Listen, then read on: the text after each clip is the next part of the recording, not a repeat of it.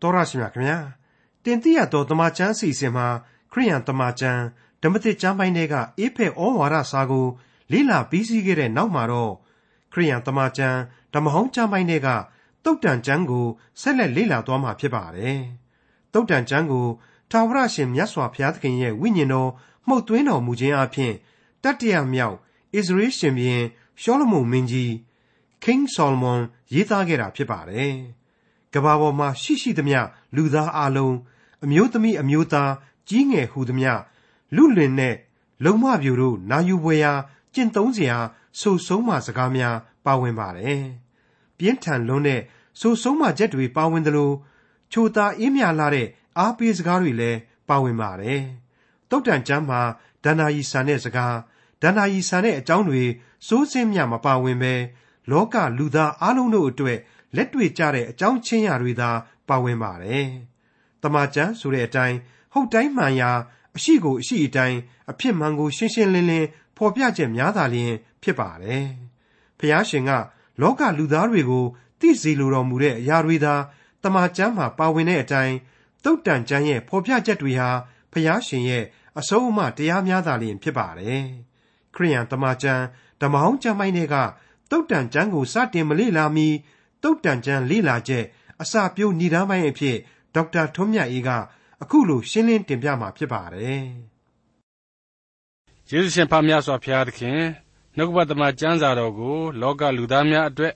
အတိတရားဉာဏ်ပညာအလင်းကျွယ်ဝဖို့အတွက်ခွင့်ရေးပေးတဲ့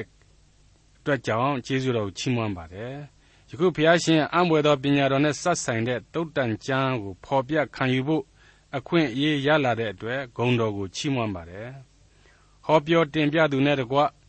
နားဆင်ကြားနာကြသူများအားလုံးအပေါ်မှာဘုရားသခင်ကောင်းကြီးပေးခြင်းအပြင်တယောက်ကစတရားနိစ္စရာလူတကာကိုဆင့်ပွားအကျိုးများစေပါမယ့်အကြောင်းသခင်ယေရှုခရစ်နာမတော်မြတ်၌ဆုတောင်းဆက်ကပ်ပါသည်ဖျားအာမင်သင်သိရသောတမန်ကျန်သင်ခန်းစာတို့ရဲ့တခုသောဂန္ဓာအသစ်စီကိုဒီကနေ့တိုးဝင်ရောက်ရှိလာပါပြီ ဟုတ်ပါတယ်ဓမ္မဟောင်းကျမ်းတွေကိုတလှည့်ပြန်ရောက်လာတဲ့အတွက်ကြောင့်သုတ်တန်ကျမ်းဆိုတဲ့ရှောလမုန်မင်းကြီးရေးသားပြုစုထားသောကျမ်းတစ်စောင်စီကိုကျွန်တော်တို့ရောက်ရှိလာပါပြီသုတ်တန်ကျမ်းဆိုတာဟာသုတလို့ခေါ်တဲ့အသိဉာဏ်ပညာကိုပေးနိုင်လို့သုတ်တန်ကျမ်းလို့ခေါ်တယ်သူ့ရဲ့ဖွဲ့စည်းတင်ပြမှုကတော့ဥပရိများလို့အတူကျုပ်မဟုတ်တလို့ဝတ္ထုများလို့တစားဆင်ခြင်းလဲအရှင်းမရှိဘူးလို့ကျွန်တော်မြင်ရပါလိမ့်မယ်ဒီသုတ်တန်ကျမ်းဟာ နုနယ်သိမ်မွေသောကြပြာလင်္ကာရသတို့နဲ့ရှင်းလင်းဖွင့်ဆိုပြလိုက်သောလင်္ကာရကြမ်းကြီးတစုဖြစ်တယ်လို့ကျွန်တော်ပြောချင်ပါတယ်အကယ်၍သာနှုတ်ကပတ်တော်ကိုစာပေအမြင်တစ်ခုတည်းနဲ့သာခွဲခြမ်းမယ်ဆိုရင်တော့အခုသုတ်တန်ကျမ်းဟာယောဘဝတ္ထုဆာလံတီချင်းများဒေသနာကျမ်းနဲ့ရှောလမုန်တီချင်းတို့အစုတဝေးတဲ့ပါဝင်နေတဲ့လင်္ကာရသမြောက်သောကျမ်းအစုအဝေးတဲ့ကတခုသောလင်္ကာရကျမ်းပဲဖြစ်တယ်လို့ဆိုရပါလိမ့်မယ် ဒီကျမ်းကိုရေးသားပြုစုသူဣသရေလနိုင်ငံသမိုင်းရဲ့တတရမြောက်ဘရင်ရှောလမုန်မင်းကြီးဟာဒါဝိမင်းကြီးရဲ့နေရာကိုဆက်ခံပြီးတော့ဘရင်ဖြစ်လာသူပါသူဟာကြပြားလင်္ကာကိုအလွန်နိုင်နှင်းတယ်ဒါကြောင့်အထက်ဖော်ပြပါလင်္ကာယသကျမ်းအစုအဝေးတွေကအခုသုတ်တန်ကျမ်းရဲ့ဒေသနာကျမ်းရဲ့ရှောလမုန်တီချင်းတို့ရဲ့ကိုနှုတ်ကပတ်တော်ကဖော်ပြတဲ့စာပေဂိုင်းဝင်ဖြစ်အောင်ရေးသားနိုင်ခြင်းပဲဖြစ်တယ်လို့စာပေရှုထောင့်ကနေဝေဖန်နိုင်ပါလိမ့်မယ်အခုသုတ်တန်ကျမ်းဟာ ဉာဏ်ပညာလမ်းညွှန်ကျမ်းတစ်ခုဖြစ်တယ်ဒေသနာကျမ်းကတော့အနတ္တတရားများကိုဟောကြားတယ်ရှောလမုန်တီချင်းကတော့ချစ်ချင်းမေတ္တာရဲ့ဂုဏ်တော်ကိုချီးမွမ်းတယ်ဆိုပြီးတော့ကျွန်တော်တို့ဆက်လက်ပြီးတွေ့ရပါလိမ့်မယ်ရှောလမုန်မင်းကြီးဟာဒီလောက်အထိမဟာကျမ်းကြီးတွေကိုဘာဖြစ်လို့ရေးနိုင်တယ်လဲဆိုပြီးမေးမယ်ဆိုရင်တော့ရှင်းနေပါလေအဲ့ဒီဉာဏ်ပညာရဲ့သဘောတရားအနတ္တတရားရဲ့သဘောတရားနဲ့အချစ်အဘိဓမ္မာတို့ဟုသူဟာပိုင်နိုင်ကျွန့်ကျင်မှုရှိနေလို့ပါပဲမိษွေတော်တတ်ရှင်အပေါင်းတို့ခမညာ ပြီးခဲ့တဲ့ဓမ္မရာဇဝင်တတိယစာဆောင်အခန်းကြီး၄အငယ်32မှာကျွန်တော်တို့အခုလိုလေ့လာတွေ့ရှိနိုင်ပါတယ်စီရင်တော်မူသောသုတ်တန်စကား3000နှင့်သီချင်း1005ခုရှိ၏တဲ့အဲ့တော့ကျွန်တော်တို့အခုလေ့လာရမယ့်နှုတ်ကပတ်တော်စာစဉ်မှာ1005ခုမျှရှိသောသီချင်းတွေတဲကသီချင်းတပုတ်ကိုသာကျွန်တော်တို့လေ့လာရမယ်စီရင်တော်မူသောသုတ်တန်စကားများ3000ခန့်အတွင်းက အနည်းငယ်သောအစိတ်အပိုင်းမျှကိုသာကျွန်တော်တို့လေ့လာကြရမှာဖြစ်တယ်ဆိုတာကိုကျွန်တော်တို့သိထားဖို့လိုအပ်လာပါတယ်တနည်းအားဖြင့်တော့ဒါဟာဘုရားသခင်ရဲ့စီရင်တော်မူခြင်းဖျားသခင်ဟာသူသိစေခြင်းသမျှကိုသာနှုတ်ကပတ်တော်မှာအသက်သွင်းဖော်ပြတယ်။ကြံတဲ့အပိုင်းတွေဟာကျွန်တော်တို့သိဖို့မလိုအပ်လို့သူမထက်သွင်းစေခြင်းလို့မပါဝင်နိုင်ခြင်းပါပဲ။အဲ့ဒီလိုဖော်ပြထားတဲ့ဓမ္မရာဇဝင်တတိယစာဆောင်အခန်းကြီး3 အခန်းကြီး4အငယ်32ကိုပါထည့်သွင်းပြီးတော့အဆုံးအထိကျွန်တော်ပြန်ပြီးတော့ဖတ်ပြခြင်းပါတယ်။မိษွေတို့ဒါကိုနားဆင်ကြည့်ကြပါ။ဓမ္မရာဇဝင်တတိယစာဆောင်အခန်းကြီး4အငယ်32မှ34အဆုံးအထိစီရင်တော်မူသောသုတ်တန်စကား3000နှင့်ပြည်ချင်း1005ခုရှိ၏လေဗနုန်အာရစ်ပင်မှစ၍အုတ်ရိုးနားမှပေါက်တတ်သောဟုတ်သုတ်ပင်တိုင်အောင်မွဲ့ဆို၏သားမျိုးငှက်မျိုးပိုးကောင်မျိုးငါးမျိုးတို့၏အကြောင်းကိုလည်းမွဲ့ဆို၏ ရှောလမုန်မင်း၏ပညာသတင်းကိုကြားသော ရှင်ဘရင်အမျိုးမျိုးဆေလွတ်သောသူတို့သည်ပညာစကားတော်ကို နားထောင်ခြင်းဟာလာကြ၏အဲ့ဒီလိုတွေ့ရမှာဖြစ်ပါတယ်ဒါဟာဓမ္မသမိုင်းတဲကဘုရားသခင်ကောင်းကြီးပေးတော်မူသောလူသားတစ်ယောက်ရဲ့ပညာဉာဏ်အစွန်းတတ္တိတွေရဲ့အကြောင်းကိုနှောင်းလူတို့အကဲဖြတ်နိုင်လောက်အောင်တွေ့ရတဲ့မှတ်တမ်းတစ်ခုပဲလို့ကျွန်တော်ဆိုပြရစီဒီနေရာမှာသုတ်တန်ကျမ်းဆိုတာဟာဘာကြောင့်သုတ်တန်ကျမ်းလို့ခေါ်နိုင်တယ်လဲဆိုပြီးမေးလာမယ်ဆိုရင် ပညာဉာဏ်ရဲ့သဘောတရားကိုဖော်ပြတဲ့ကျမ်းပညာဉာဏ်ကိုပေးအပ်တဲ့ကျမ်းပညာဉာဏ်ကိုထွန်းကားစေတဲ့ကျမ်းမို့လို့သုတ်တန်ကျမ်းလို့ခေါ်ရတယ်ဆိုပြီးတော့လွယ်လွယ်ကလေးပဲအဖြေပေးနိုင်မှာဖြစ်ပါတယ်ဒါပေမဲ့သုတ်တန်ကျမ်းတစ်ခုစီမှာအသိဉာဏ်ပညာအကြောင်းကိုအဘိဓမ္မာကြီးများလို့မနေ့အဖြေရှာမှမနေ့တွေးခေါ်မျှော်မြင်ဆင်ခြင်နိုင်မှဒီအဖြေကိုရမှာလားဆိုရင်တော့မဟုတ်ဘူးဒီအသိဉာဏ်ကိုခံစားရမှာလားဆိုရင်တော့မဟုတ်ဘူး ဖော်ပြခဲ့တဲ့အတိုင်းပဲပညာဉာဏ်ဘ ഹു တုတတို့ကိုထုတ်ဖော်သွန်သင်ရမှာချဲ့ချဲ့ကားကားကြီးဖြစ်လိမ့်မှာမဟုတ်ပါဘူးအလွန်တရာတိကျပီပီပြင်းပြင်းပြက်ပြက်သားသားဖြစ်ပါလိမ့်မယ်တဖြောင်တည်းတည်ရှိနေတဲ့မြားများလို့တဲ့တဲ့မတ်မတ်ပဲရှိလိမ့်မယ်ဆိုတာကိုလေကျွန်တော်ကြိုတင်ဖော်ပြခြင်းပါတယ်ဝက်ကြတို့ဟာတူတောင်းပြတ်သားတာကိုတွေ့ရလိမ့်မယ်အဲ့ဒီလိုတူတောင်းတဲ့ဝက်ကြတစ်ခုစီတို့ဟာအလွန်ရှည်လျားတဲ့ဘဝအတွေ့အကြုံတစ်ခုချင်းစီကနေ ထုတ်နှုတ်ဖွဲ့ဆိုလိုက်သောဝက်ကြများဖြစ်တယ်ဆိုတာကိုလေကျွန်တော်ထိတွေ့ခန်းစားလာရအောင်လို့ဖျားသခင်ဟာကျွန်တော်ကိုတုတ်တန်ကြမ်းအဖြစ်သွန်သင်ပေးသွားပါလိမ့်မယ်တနည်းဆိုရရင်တော့လူသားရဲ့အသက်တာခရီးရှည်ကြီးတွေတိုင်းကနေပြီးတော့ပေါ်ထွက်လာတဲ့မမေ့နိုင်စရာကောင်းလှသောသင်ခန်းစာများပဲဖြစ်လိမ့်မယ်လို့ကျွန်တော်ဆိုချင်ပါတယ်။ဒါကိုထိထိမိမိထက်ထက်မြက်မြက်ဖော်ပြထားတာဆိုတော့အမှတ်ရလေလွယ်ကူမယ်။တခုစီကိုအခြေခံပြီးအတွေးအခေါ်ကိုလည်းဆွဲဆန့်ထုတ်နိုင်လိမ့်မယ်။ အမြင်ကြည်လင်စေဖို့ရန်အတွက်လေကြီးမားစွာအထောက်အကူပြုသွားပေးလိမ့်မယ်လို့ကျွန်တော်ဆိုချင်ပါတယ်။ Proverb သို့မဟုတ်သုတ်တန်ကျမ်းတစ်ခုကိုပညာစကားဆုံးမစာရှတရနီတိဆိုထုံးစသည်စသဖြင့်အမျိုးမျိုးခေါ်ဝေါ်နိုင်တယ်လို့လည်းကျွန်တော်ဆိုချင်ပါတယ်ဒီသုတ်တန်ကျမ်းနဲ့ပတ်သက်ပြီးတော့ကျမ်းတစ်ခုလုံးရဲ့ဗဟိုကျသောကျမ်းဟာဘာလဲလို့မေးလာမယ်ဆိုရင်တော့ကျမ်းတစ်ခုလုံးရဲ့အစပိုင်းအခန်းကြီး1မှာကလေးကဒီဗဟိုကျတဲ့ကျမ်းချက်ကိုတွေ့နေရပြီ အနှစ်သာရကျမ်းပိုင်းကိုဖော်ပြနေပြီလို့ကျွန်တော်ဆိုချင်ပါတယ်အခန်းကြီး1အငယ်9မှာတွေ့ရတဲ့အချက်ပါပဲထာဝရဘုရားကိုကြောက်ရွံ့သောသဘောသည်ပညာ၏အချုပ်အခြာဖြစ်၏လူမိုက်တို့သည်ပညာနှင့်ဥပရိသကိုမထီမဲ့မြင်ပြုရကြ၏ဆိုတဲ့အချက်ပါပဲသုတ်တန်ကျမ်းတို့၏အစဘယ်အရက်ကဖြစ်တယ်လဲဆိုပြီးတော့ကျွန်တော်တို့ကတွေးတောเสียရှိပါတယ်အလွယ်အလွယ်ပြောရကြီးဆိုရင်တော့ ရှောလမုန်နဲ့သူ့ရဲ့ဝန်းကျင်ကနေစတင်ဖြစ်တည်လာတဲ့အသည့်တရားတွေပဲနေမှာပါဆိုပြီးတော့ခံယူတဲ့လူတွေလည်းရှိကောင်းရှိပါလိမ့်မယ်ဒီလိုမဟုတ်ပါဘူးသမိုင်းနောက်ခံတွေကိုရှင်တွဲသုံးသပ်လိုက်မယ်ဆိုရင်ရှေးကာလကပအနောက်ဖက်မှ၎င်းအရှိဘက်မှ၎င်းဝင်ရောက်လာတဲ့ကောင်းနိုးရာရာပညာတရားတွေအကျုံးဝင်နေတယ်။အဲ့ဒီလိုကပ္ပရဲ့အရှိချမ်းအနောက်ချမ်းအယက်ဒေသအသီးသီးမှရောက်ရှိလာတဲ့ပညာရက်တွေအချို့ကိုရှောလမုန်ကိုယ်တိုင်ရေးသားဖွဲ့ဆိုတယ်။ အချို့သောကျမ်းအပိုင်းအခြားများကိုတော့တခြားသောပညာရှိများကရေးသားပြီးတော့ရှောလမုန်မင်းကြီးကိုယ်တိုင်စီရင်တီးဖြတ်ပေးထားတယ်။နှုတ်ကပတ်တော်အသက်လမ်းရဲ့စာပေဖြစ်စေတည်းဆိုတဲ့အတီးပြုတ်တစိမ့်လက်မှတ်တော်ကိုတော့ဘုရားသခင်ခတ်နှိပ်လိုက်တာပဲဖြစ်ပါတယ်။ဒီသုတ်တန်ကျမ်းနဲ့ပတ်သက်လို့ဒေါက်တာသတ်လီဆိုတဲ့သူတေသီကြီးကသူ့အယူအဆတစ်ခုကိုသိပ္ပံနိကျဖော်ပြထားတာရှိပါတယ်။အဲ့ဒါကတော့နန်စားတွေအပေါ်မှာခွဲခြားစိတ်ဖြာခြင်းဖြစ်ပါတယ်။သူက ပထမနန်စားတွေဖြစ်တဲ့သင်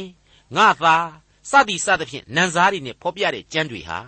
ရှောလမုန်မင်းကြီးကိုယ်တိုင်ခန်းစားရတဲ့ဘဝသင်ခန်းစာတွေလက်တွေ့နာယူခဲ့ရဘူးတဲ့အချက်တွေ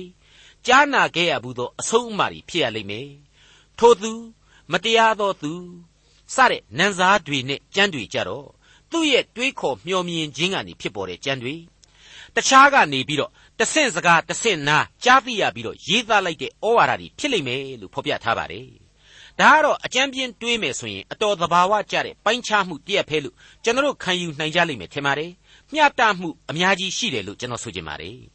ကျွန်တော်သင်သိရသောသမာကျမ်းရဲ့မူရင်းဆရာကြီးဒေါက်တာဂျေဗန်နန်မက်ဂီကတော့ဒီသုတ်တန်ကျမ်းလင်္ကာမျိုးလိုပဲရှေးခေတ်ဓမ္မသဘောလင်္ကာတွေကိုအများဆုံး Greek ရှေးဟောင်းစာပေတွေမှာတွေ့နိုင်တယ် ကမ္ဘာသမိုင်းကထင်ရှားတဲ့တခြားသောဆုံးမစာတွေနဲ့နှိုင်းယှဉ်ဝေဖန်မှုပြုရမယ်ဆိုရင်တော့ဒီသုတ်တန်ကြမ်းမြတဲ့ကောင်းမွန်တဲ့လင်္ကာယသမြောက်သောဆုံးမဩဝါဒစာပေရဲ့လို့ဘယ်စာပေမှမှမရှိနိုင်ဘူးလို့သူခံယူတဲ့အကြောင်းဖော်ပြထားပါတယ်ဒီတော့အဲ့ဒီလောက်အထိဂုံမြောက်တဲ့ရှေးကာလဓမ္မကျမ်းစာရဲ့တော်ဝင်ကျမ်းကြီးတစုအပေါ်မှာကျွန်တော်တို့ဟာကြိုတင်ပြီးတော့အရေးကြီးတဲ့အချက်တွေကိုဂဂနနနားလေထားသင့်တယ်ဆိုတာဟာရှင်းနေပါတယ် တနည်းအားဖြင့်တော့ဤမြအရေးကြီးသောပညာတရားကိုအခြေခံတဲ့သုတ်တန်ကျမ်းကြီးအပေါ်မှာကျွန်တော်တို့ဟာပေါ့တီးပေါ့ဆဘယ်နည်းနဲ့မှလေ့လာလို့မရနိုင်ပါဘူးဟုတ်ပါတယ်သုတ်တန်ကျမ်းရဲ့အလွန်ထူးခြားတဲ့သီးသန့်ဂုံတူးဝိသေသတွေကိုကျွန်တော်သိထားနိုင်ဖို့ရန်အတွက်ကျွန်တော်ကအခုလိုခွဲခြားတင်ပြခြင်းပါတယ်တစ်အချက်အနေနဲ့ကတော့သုတ်တန်ကျမ်းများဟာလောကရသိပ္ပံနီးကြသောကျမ်းတစုဖြစ်တယ်လို့ကျွန်တော်အံ့ဩဖွယ်တွေ့နိုင်ပါတယ်မှန်ပါတယ် အခုပြစ်ဆက်ကအချိန်ကနေရေတွက်ပြီးကြည့်လိုက်မယ်ဆိုရင်နှစ်ပေါင်း3000ခန့်ကြာညောင်းခဲ့တဲ့ရှေးကာလဘယင်တပားရေးသားခဲ့တဲ့ဒီကျမ်းဟာသိပ္ပံဆရာတို့လက်ဖြားခါယူရလောက်အောင်သိပ္ပံနီးကြနေတယ်ဆိုတာကိုထင်ရှားစွာတွေ့နိုင်ပါတယ်သုတ်တန်ကျမ်းအခန်းကြီး၄အငယ်23မှာကြည်ပါနှလုံးသည်အသက်ဤအခြေအမြစ်ဖြစ်သောကြောင့်သင်ဤနှလုံးကိုအထူးသဖြင့်စောင့်ရှောက်လောတဲ့ဘလောက်ပိုင်ကလေးအဲ့ဒီလိုသုတ်တန်ကျမ်းတဲကနေပြီးတော့ နှလုံးဟာအသက်ရဲ့အခြေအမြစ်ဖြစ်တယ်ဆိုတဲ့အဆိုကိုအဆက်ဆက်သောသမိုင်းဝင်ဆေးပညာရှင်တို့ဟာဟုတ်ဤမဟုတ်ဤဆိုပြီးတော့ညင်းခဲ့ခုန်ခဲ့ကြတာဟာအမှန်ပဲဖြစ်ပါတယ်ဒါကိုနောက်ထပ်နှစ်ပေါင်း2900တနည်းအားဖြင့်သုတ်တန်ကျမ်းရေးသားပြုစုပြီးတော့နောက်ထပ်နှစ်ပေါင်း2900ကြာတဲ့အချိန်ကျွန်တော်အခုအချိန်ကနေတွက်ကြည့်လိုက်မယ်ဆိုရင်လွန်ခဲ့တဲ့နှစ်ပေါင်း250လောက်ကအချိန်မှာတော့ခန္ဓာဗေဒပါမောက္ခဒေါက်တာဟာဗေးဆိုတဲ့ပုဂ္ဂိုလ်ကြီးက အတီးပြုတ်ပေးလိုက်ရပါတယ်ဟုတ်ပါတယ်ဒေါက်တာဟာဗေးအတီးပြုတ်ပေးလိုက်ပါတယ်နှလုံးသားသည်အသက်ဤအခြေအမြစ်အမှန်ဖြစ်ပါသည်မိတ်ဆွေအပေါင်းတို့ခမညာ myocardial infarction လို့ခေါ်တဲ့နှလုံးကြွက်သားတွင်သွေးကြောပိတ်ဆို့မှုဖြစ်ပြီးဆိုရင် heart attack လို့ခေါ်တဲ့နှလုံးရောဂါနဲ့လူဟာမိနစ်ပိုင်းအတွင်းအသက်သေဆုံးရစမြဲဖြစ်ပါတယ်အဲ့ဒီအတိုင်းပါပဲ လူသားနှလုံးရဲ့ပုံမှန်အလုပ်ရပ်ဆိုင်သွားပြီဆိုတာနဲ့တပြိုင်နက်အဲ့ဒီလူရဲ့ဘဝသက်တမ်းဟာဇသိမ်းသွားရပါတယ်ကျွန်တော်ရဲ့ကိုယ်ခန္ဓာလှုပ်ရှားမှုကိုယ်ရည်ကိုယ်သွေးနဲ့အာယုံခံစားမှုတွေကိုအုံနောက်ဟာထိမ့်ချုပ်ထားတဲ့အတွက်ကြောင့်အုံနောက်သွေးလှက်ပတ်မှုအပေါ်မှာလည်းအသက်ရှင်သန်မှုဟာအများကြီးမူတည်နေပါတယ်ဒီအခါမှာနှလုံးဟာအဓိကလားအုံနောက်ဟာအဓိကလားဆိုပြီးတော့သိပ္ပံပညာရှင်တွေအနေနဲ့အမျိုးမျိုးစဉ်းစားလျက်ရှိနေကြပါတယ် ဒါပေမဲ့အဓိကအားဖြင့်သေဆုံးခြင်းရဲ့ဓာတ်ရိုက်တရားခံကတော့နှလုံးရပ်ဆိုင်ခြင်းပဲဖြစ်တယ်ဆိုတာကိုဘယ်သူမှမငြင်းနိုင်တာနဲ့အမျှနှလုံးသည်အသက်ဤအခြေအမြစ်ဧကန်အမှန်ဖြစ်၏လို့ကျွန်တော်တို့ရှင်းရှင်းလင်းလင်းသုံးသပ်နိုင်ပါတယ်ဆုံးဖြတ်နိုင်ပါတယ်အဲ့ဒါဟာအညာကိုကင်လှုပ်တဲ့အပိုင်းမို့လို့ကျွန်တော်ကဥပမာပေးရခြင်းဖြစ်ပါတယ်မိษွေတို့အနေနဲ့အဲ့ဒီအတိုင်းပဲသိပ္ပံနိကျဖော်ပြထားတဲ့ ကြမ်းကြက်ကလေးပေါင်းမြောက်များစွာကိုလေဒီသုတ်တန်ကျမ်းအတွင်းမှာဆက်လက်တွေ့မြင်ခန်းစားထိတွေ့ရလိမ့်မယ်လို့ကြိုတင်ဖော်ပြလိုပါတယ်ဒီနေရာမှာဘ ഹു တုတလည်းဖြစ်အောင်လို့ကျွန်တော်တင်ပြရမယ်ဆိုရင်ကျွန်တော်ရဲ့နှုတ်ကပတ်ကျမ်းစာတော်မြတ်မှာထည့်သွင်းခြင်းမပြုတဲ့ Epistle of Barnabas သို့မဟုတ်ဘာနဘဩဝါဒစာမှာဆိုရင် Phoenix ခေါ်မိညက်သည်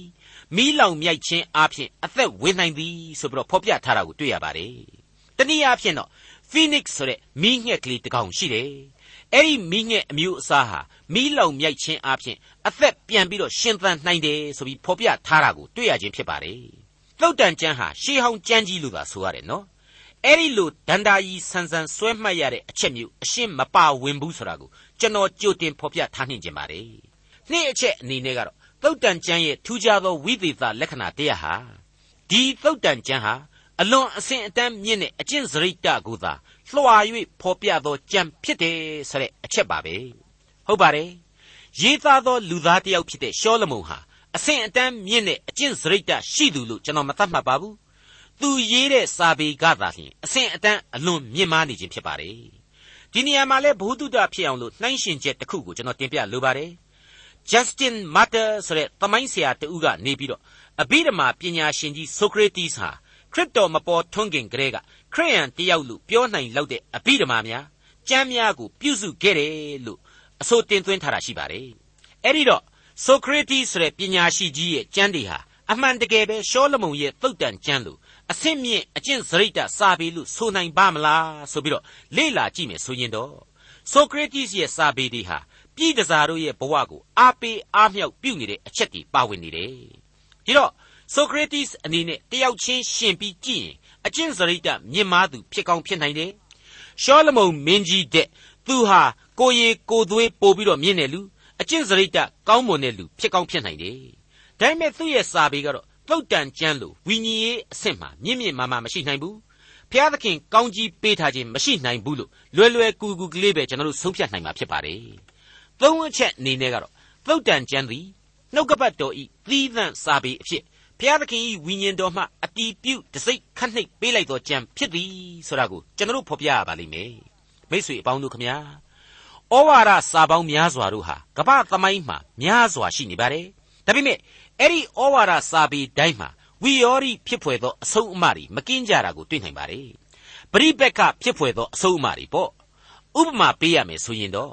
တစ်ဖက်ကမဆုတ်မနစ်အားထုတ်ကြရမယ်ဆိုတာကိုဖော်ပြတယ် ကြံတစ်ဖက်မှာကျတော့မလျော့မတင်စောင်းကြိုးညင်းဆိုတာမျိုးကိုထပ်မံတွေ့ရှိရပြီးတော့အားပြော့သွားလိရှိတာမျိုးတွေပါဝင်နေပါတယ်နောက်တစ်ခါလဲလဲဝဲဝဲရှိရမယ်လို့တစ်ဖက်ကပြောတယ်လဲသူစားစရန်လို့လည်းတစ်ဖက်ကအဆိုတင်သွင်းထားတယ်ဒါပေမဲ့ကြံတစ်ဖက်မှာကျတော့လဲလွန်းတဲ့ဘိန်းချေးတင်တတ်တယ်ကိုရှုကိုပတ်တတ်တယ်ဆိုတာမျိုးနဲ့လှေနံနှစ်ဖက်နင်းသွားတတ်တယ်အတိတ်ပဲဖွဲ့သွားစေတတ်တယ်ဆိုတာမျိုးကိုတွေ့ရနေကြဖြစ်ပါတယ် သုတ်တန်ကျမ်းမှာကတော့အဲ့ဒီလူဝီယောတိဖြစ်เสียအချက်တွေလုံးဝကင်းရှင်းတယ်။စန့်ကျင်တယုတ်များနဲ့အားပြော့ရော့ရဲခြင်းအရှင်းမရှိဘူးလို့ကျွန်တော်တို့သုံးသပ်နိုင်ပါတယ်။တနည်းဆိုရရင်တော့အပြစ်သားလူကြီးတယောက်ကနေပြီးတော့ဒီဆုံးမစာတို့ကိုရေးသားတယ်။တီးဖြတ်ပြုစုတယ်။သူ့ရဲ့ပင်ကိုအရေးအသွေးများဘောမှာသုတ်တန်ကျမ်းဒီဟူသောသက်မဲ့စာလုံးတို့ကိုသူဟာဖွဲ့စည်းတိဆောက်ပေးတယ်။ဒါပေမဲ့ဒီကျမ်းစာအပေါ်မှာဝိညာဉ်အရှိန်တကိုးကိုဖျားသခင်ချထားလိုက်ပြီးတော့ ဝိညာဉ်တစိ့ခတ်နှိပ်လိုက်တယ်လို့ပြတ်သားစွာကျွန်တော်တင်ပြလိုက်ပါရစေမိษွေအပေါင်းတို့ခမညာရှောလမုန်မင်းကြီးဟာဒီလိုလင်္ကာယအဆင့်မြင့်ကြံများကိုဘာကြောင့်ရေးနိုင်သလဲသူဟာမျိုးရိုးအရာဒါဝိမင်းရဲ့သားဖြစ်တယ်ဒါဝိမင်းကိုယ်တိုင်ဟာစာပေပညာရှင်တယောက်ဖြစ်တယ်ဂီတပညာရှင်တယောက်ဖြစ်တယ်ထင်ရှားသောအမှုပညာရှင်ကြီးတယောက်ဖြစ်တယ်ဒီမျိုးဆက်သွေးဟာရှောလမုန်စီမှာပါဝင်လာမှာအမှန်ပဲဒါပေမဲ့ဘလောက်ပဲသူဟာအရေးအသားကောင်းနေနေ အဖွဲအနှဲ့ဘလောက်ကျွန့်ကျင်နေနေအမှုပညာဘလောက်မြောက်နေနေသူပြုတ်လိုက်တဲ့အမှုပညာအပေါ်မှာဘုရားသခင်ရဲ့တန်ရှင်းသောဝိညာဉ်တော်တစိ့မခတ်နှိပ်ဘူးဆိုရင်တော့ဒီစာတွေဟာလုံးဝဖွဲ့သွားမှာအမှန်ပါပဲနှုတ်ကပတ်တော်မှာလေဘယ်နည်းနဲ့မှပါဝင်လာနိုင်မှာမဟုတ်ဘူးဆိုတာဟာအထင်ရှားပါပဲအဲ့ဒီလိုထူးခြားလာတဲ့ဝိသေသလက္ခဏာတွေနဲ့ပြည့်စုံနေတဲ့သုတ်တန်ကျမ်းကြီးဟာဘယ်လိုနည်းအားဖြင့်ဝိညာဏဂန္ဓဝင်မြောက်အောင် ဖျားသခင်ကတိဆောက်ပေးထားတယ်လေဆိုတာကိုလည်းဆက်လက်တင်ပြပါရစေအောင်ဟုတ်ပါတယ်ဒါဟာစာပေရဲ့ယသကိုခန်းစားနိုင်ဖို့အတွက်အရေးတကြီးသိထားဖို့လိုအပ်တယ်လို့ဝိညာဉ်ရေးယသကိုပါရယူနိုင်ဖို့ရန်အတွက်အထူးလိုအပ်တဲ့အချက်တစ်ခုဖြစ်ပါတယ်အရေးကြီးလာတဲ့အချက်တစ်ခုဖြစ်ပါတယ်သုတ်တန်ကျမ်းသည်အစမှအဆုံးတရွေ့၍မြင့်တက်သွားသောလမ်းကြောင်းရှိတစ်ခုဖြစ်၍ ဖြင်းညင်းစွာရှောက်သွားတိုက်သောလမ်းတစ်ခုကဲ့သို့ဖျားသခင်ပြင်ဆင်ထားသည်ဆိုတဲ့အချက်ကိုတွေ့ရမှာဖြစ်ပါတယ်။အဲဒီလိုလမ်းကြောင်းတစ်ခုအဖြစ်ကျွန်တော်လေ့လာတိုက်တယ်ဆိုတော့ဒီကျမ်းဟာလူသားတို့အဖို့လမ်းခရီးဖြစ်တယ်။ပြေဝစုံလင်သောလမ်းညွန်ချက်များနဲ့တဲ့တဲ့လျှောက်သွားရမှာညီးငွေဘွယ်ဟာအရှင်းမရှိသောလမ်းရှိတစ်ခုပဲဖြစ်တယ်လို့ကျွန်တော်ကတော့ရှင်းလင်းပြတ်သားစွာခံယူမိပါတယ်။အဲ့ဒီလိုခရီးလမ်းရှည်ကြီးတစ်ခုနဲ့ကျွန်တော်ကဥပမာဆောင်လိုက်တဲ့အခါကျတော့ ဒီလောက်အထိအိုမင်းရင်ရောနေတဲ့ကျမ်းစာသို့မဟုတ်ရှေးခေတ်မှာတရေတီးခဲ့တဲ့လမ်းရှည်ကြီးဟာခေတ်ပေါင်းများစွာအတွင်းမှာဖြည့်ဆွဲရတာဖြိုဖျက်ရတာဖာထေးရတာတွေများရှိခဲ့လေသလားလို့စဉ်းစားเสียရှိပါတယ်ထို့အတူပါပဲနောင်အနာဂတ်ကာလမှာကောပြန်လဲပြုပြင်ရအောင်မှာတွေများပါနေမှာလားလို့စဉ်းစားနိုင်ပါတယ်စဉ်းစားเสียအရှင်းမရှိပါဘူးစဉ်းစားเสียမလိုပါဘူးအစဉ်ခင်မိခဲ့တဲ့ရှေးကာလစာပေဖြစ်တယ် အစဉ်တစိုက်ခင်မိနေမဲ့စာပေဖြစ်တယ်လူအဖွဲ့အစည်းရဲ့ဒီလမ်းခရီးဟာအခုကျွန်တော်အတွက်လဲခိုင်မာသောလမ်းခရီးတစ်ခုသာဖြစ်တယ်ဒီလမ်းခရီးကိုသုတ်တန်ကျမ်းဟာရှင်းလင်းပြတ်သားစွာဖော်ပြသွားလိမ့်မယ်အနာဂတ်လူအဖွဲ့အစည်းအတွက်လည်းအစဉ်တစိုက်ခင်မီနေအောင်မှအသေးချာပဲလို့ကျွန်တော်ဆိုလိုက်ပါရစေနောက်ထပ်ဆက်လက်စဉ်းစားရမှာတစ်ချက်ကတော့သုတ်တန်ကျမ်းသည်ခရစ်တော်ဤဝမ်းမြောက်ဖွယ်ကယ်တင်ခြင်းတရားသို့မဟုတ်ဧဝံဂေလိသတင်းစကားဟုတ်မဟုတ်ဆိုတဲ့အချက်ပဲဖြစ်ပါတယ် ကျွန်တော်သင်သိရသောတမန်ကျမ်းကပြက်ပြက်သားသားပေးခြင်းတဲ့အချက်ကတော့ပြက်ပြက်သားသားပြုခြင်းတဲ့အဖြေကတော့အဲ့ဒီအဖြေကိုကိုယ့်ဖာသာကိုကြိုက်တဲ့ဘက်ကလှည့်ပြီးတော့ခံယူကြပါဒါပေမဲ့သုတ်တန်ကျမ်းကပေးစွန်းတဲ့ပညာဉာဏ်တို့ဟာခရစ်တော်ပိုင်ဆိုင်သောပညာဉာဏ်များဖြစ်ကြတယ်ဒီကျမ်းစာကိုခရီးရှည်တစ်ခုအဖြစ်အသုံးချရှုမြင်ပြီဆိုရင်ဒီခရီးစဉ်ဟာခရစ်တော်ရဲ့အသက်တာခရီးစဉ်ကိုကိုစားပြုသည်လို့ပြက်ပြက်သားသားအဖြေပြုလိုက်ပါတယ်။ ဒါလောက်အထိဒီကျမ်းကြီးဟာအရေးကြီးနေတယ်ဆိုတာကိုဒီသုတ်တန်ကျမ်းဟာကိုယ်တိုင်ကဝင်းဝင်းကြွားကြွားတင်စားဖော်ပြမထားပါဘူး။ဒါပေမဲ့အနတ္တတရားတို့ကိုဖော်ကျူးထားတဲ့ဒေသနာကျမ်းမှာသုတ်တန်ကျမ်းအကြောင်းကိုအခုလိုဖော်ပြရှင်းလင်းထားပါတယ်။ဒေသနာကျမ်းအခန်းကြီး7အငယ်9ဓမ္မဒေသနာဆရာသည်ပညာရှိသည့်အတိုင်းပရိသတ်တို့အားပညာအတတ်ကိုသွန်သင်လေးရှိ၏လုံလဝရိယပြုလျက်များစွာသောသုတ်တန်စကားတို့ကိုရှာဖွေ၍စီရင်၏ အဲ့ဒီလိုဖော်ပြထားခြင်းမျိုးဖြစ်ပါတယ်ဒါကြောင့်မလို့သုတ်တန်ကျမ်းဆိုတာဟာခရစ်တော်ဤကယ်တင်ခြင်းတရားကိုလက်ခံသူတို့အဖို့အထူးစီရင်ထုံးဖွဲ့သောကျမ်းဖျားသခင်ဖန်ဆင်းသောလူအဖွဲ့အစည်းအတွက်ဖျားသခင်ကိုတော်တိုင်ကောင်းကြီးပေး၍စီရင်စေသောကြံတစုဖြစ်တယ်လို့ကျွန်တော်ဆိုလိုက်ပါရစေမိတ်ဆွေအပေါင်းတို့ခမညာသုတ်တန်ကျမ်းနဲ့ပတ်သက်လို့သိသင့်သိလိုက်တဲ့အခြေခံအချက်တွေကိုအများကြီးကျွန်တော်တို့ကြားခဲ့ရပြီးပါပြီဆက်လက်ဖော်ပြเสียရှိပါသေးတယ်ဟုတ်ပါတယ်သုတ်တန်ကျမ်းနဲ့ပတ်သက်ပြီးတော့ လင်္ကာစာပေသဘောအရာကျွန်တော်တို့လေ့လာရမှာပြီးပြီးပြင်းပြင်းဖြစ်နိုင်အောင်လို့အထွေထွေသဘောစဉ်းစားစရာအချက်အလက်အချို့ကိုကျွန်တော်တင်ပြသွားခြင်းပါတယ်ဟေပြဲဘာသာမှာရေးဖွဲ့တဲ့ကြပြလင်္ကာတွေဟာအများအားဖြင့် parallelism လို့ခေါ်တဲ့အပြိုင်တီးရှိမှုတွေကိုဖော်ပြတဲ့နှလန်းသွားလင်္ကာများဖြစ်လေရှိတာကိုတွေ့ရပါတယ်အခုကျွန်တော်တို့လေ့လာရမယ့်သုတ်တန်ကျမ်းတွေဟာအဲ့ဒီအခြေခံသဘောတရားကိုပို့ပြီးတော့ပြည်ပြင်းမှုရှိစေတယ်လို့ကျွန်တော်ဆိုချင်ပါတယ် အဲ့ဒါကိုအခုခေတ်ကျွန်တော်တို့မြန်မာစာပေနဲ့နှိုင်းယှဉ်ကြည့်မယ်ဆိုရင်တော့ကာယံမဲ့ကြပြများစာညွန့်ဆန်တဲ့လင်္ကာများလို့ကျွန်တော်ဆိုချင်ပါတယ်အဲ့ဒီလိုနှလန်းသွားလင်္ကာသို့မဟုတ်အပြိုင်ဖော်ပြရသောလင်္ကာယသတို့ကိုသုတ်တန်ကျမ်းဟာနီလန်သုံးသွယ်နဲ့ဆက်လက်ပြီးတော့အခြေခံဖော်ပြသွားလိမ့်မယ်လို့လေကျွန်တော်အသေးစိတ်ဖော်ပြခြင်းပါတယ်။တိရှင်ပြိုင်ဖော်ပြရာ၌ရှေ့ပိုင်းကိုနောက်ပိုင်းကအားဖြည့်သောနီသို့မဟုတ် synonymous parallelism ခေါ်တဲ့နီကိုအချို့အပိုင်းဒီမှာသုံးဆွဲထားတာကိုတွေ့နိုင်ပါတယ်။ဥပမာပြောရမယ်ဆိုရင်သုတ်တန်ကျမ်းအခန်းကြီး19အငယ်26မှာအခုလိုရှုမြင်သုံးသပ်နိုင်ပါတယ်။မချီမဲမြင်ပြုသောသူတို့အဖို့အပြစ်စီရင်ခြင်း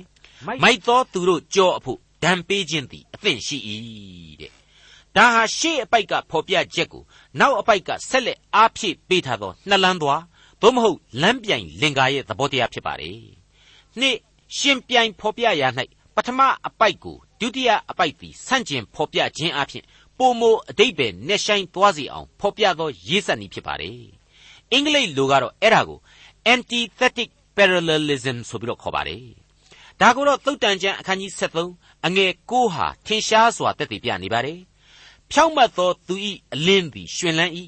မတရားသောသူ၏မိခွက်မူကားသေရလိမ့်မည်တဲ့။ပထမဘိုင်းမှာရှင်လန်းခြင်းကိုဖော်ပြတယ်။ တနည်းအားဖြင့်ရှင်သန်ခြင်းကိုဖော်ပြတယ်။နောက်ဒုတိယအပိုင်းကျတော့သေဆုံးခြင်းကိုဖော်ပြတယ်။အရှုံးကိုဖော်ပြတယ်။အလင်းနဲ့အမှောင်ပေါ့ဟုတ်ပါတယ်။ရှေ့အပိုက်ကဖော်ကျူးချက်ကိုနောက်ဆက်တွဲဆန့်ကျင်ဘက်ဖော်ပြချက်ဟာပို့ပြီးတော့အားကောင်းသွားအောင်လို့ဖြည့်ဆည်းပေးလိုက်ပါတယ်အတိတ်ဘယ်ကိုလေးနဲ့သွားစေပါတယ်၃ရှင်ပြိုင်ဖော်ပြရ၌ပထမတွင်ပြောထားသောအချက်ကိုနောက်ဆက်တွဲအချက်ကအတိတ်ပဲဖော်ပေးသောစတ်ဆူနည်းပဲဖြစ်ပါတယ်ဒါကိုတော့ synthetic parallelism လို့ခေါ်ပါတယ်ဒါကိုသုတ်တန်ကျမ်းအခန်းကြီး20အငယ်1ဟာရှင်းလင်းစေလိမ့်မယ်လို့ကျွန်တော်ထင်ပါတယ်ရှင်ဘရင်ကြောက်စီသောအမှုအရာသည်ရှင်သိဟောက်ခြင်းနှင့်တူ၏အမျက်တော်ကိုနှိုးဆော်သောသူသည်မိမိအသက်ကိုပြစ်မှား၏ဆိုပြီးတော့တွေ့ရပါတယ်အဲ့ဒါဟာအစပြိုးပေးလိုက်တဲ့ဥပမာအလင်္ကာအဖြစ်ရှင်ဘရင်ရဲ့အမျက်ဒေါသသဘောကိုသိစီပြီးတဲ့နောက်ဒီအမျက်ဒေါသကိုနှိုးဆော်မယ်ဆိုရင်တော့ ကို့အသက်အန္တရာယ်ကိုကိုဟာဖြစ်စေလိမ့်မယ်ကိုတွင်းကိုတူးတာနဲ့တူနေစေလိမ့်မယ်ဆိုတဲ့အချက်နဲ့ရှင်တွဲအတိတ်ပဲဖော်ပြလိုက်ခြင်းပဲဖြစ်ပါတယ်မိษွေတော်တတ်ရှင်အပေါင်းတို့ခမညာရှေးကာလလွန်ခဲ့သောနှစ်ပေါင်း3000လောက်ကလူတွေကလူတယောက်ဖြစ်သောရှောလမုန်ရဲ့တုတ်တန်ကျမ်းစာပေဟာဖြစ်ရင်ဘုရားသခင်ရဲ့ဝိညာဉ်တော်တစိ့ခတ်နှိပ်ခြင်းကိုခံယူပြီးတော့နှုတ်ကပတ်တော်မှာအရေးကြီးတဲ့ဂန္ဓတရက်မှာပါဝင်နေသောကျမ်းစာပေအဖြစ်တည်ရှိလို့နေပါပြီ ဒီစာပေဟာဖြင့်ကျွန်တော်အားလုံးတို့ရဲ့ဝိညာဉ်ခွန်အားအကျင့်စရိတ်တပိုင်းဆိုင်ရာခွန်အားအသစ်တွေကိုပေးစွန်းနိုင်တဲ့စာပေတစ်ခုဖြစ်လိမ့်မယ်ဆိုတာကိုကျွန်တော်အာမခံနိုင်ပါတယ်မိษွေတို့ဒီကျမ်းများကိုလေ့လာရခြင်းအပြင်ဘဝအသက်တာရဲ့လမ်းညွှန်ချက်ပေါင်းမြောက်များစွာတို့ကိုခန်းစားထိတွေ့ရလိမ့်မှာအသေးအချာပဲဖြစ်ပါတယ်သုတ်တန်ကျမ်းဆိုတဲ့နုနယ်သိမ်မွေသောလင်္ကာယသမြောက်စာပေတို့အပြင်သိမ်မွေနူးညံ့သောစိတ်အစဉ်မှဘုရားသခင်ပေးသနာထားတဲ့ ဝိညာဏခွန်အားများပွားများနိုင်ပါစေပြုတော်မူသောကျေးဇူးတော်တို့ကိုတွေးဆဆင်ခြင်နိုင်ပါစေလို့ကျွန်တော်မေတ္တာပို့သလိုပါတယ်သုတ်တန်ကျမ်းအားဖြင့်ခရစ်တော်ပိုင်ဆိုင်သောပညာဉာဏ်များအကြောင်းကိုနားလေသဘောပေါက်ပြီးတဲ့နောက်ကိုရှင်သန်ရာအသက်တာဟာလေခရစ်တော်ညွှန်ပြသောအသက်တာအဖြစ်တန်ရှင်းကြည်လင်သောလမ်းခရီးများကိုလူသားတိုင်းလျှောက်သွားနိုင်ကြပါစေလို့ကျွန်တော်သင်သိရသောသမာကျမ်းအဖွဲ့မှဆုတောင်းမေတ္တာပို့သလျက်ရှိပါတယ်။သမိုင်းကာလတလျှောက်မှာ အစဉ်တစိုက်မယိုးနိုင်သောတရားဖြည့်ဆွက်ပြုပြင်ဖာထေးเสียမလိုတဲ့ဩဝါဒတရားများကိုရှုမြင်ခန်းစားရခြင်းအပြင်မင်္ဂလာတစ်ပါးဖြစ်စေလိမ့်မယ်။ကျင့်သုံးနိုင်သလောက်လိုက်နာနိုင်သလောက်လူဘဝတန်ဖိုးဟာလေမကြံစီမတွေးဆနိုင်လောက်အောင်မြင့်မားရင့်ကျက်လာရခြင်းရှိစေလိမ့်မယ်လို့လေကျွန်တော်တို့ပြတ်သားစွာဆိုချင်ပါတယ်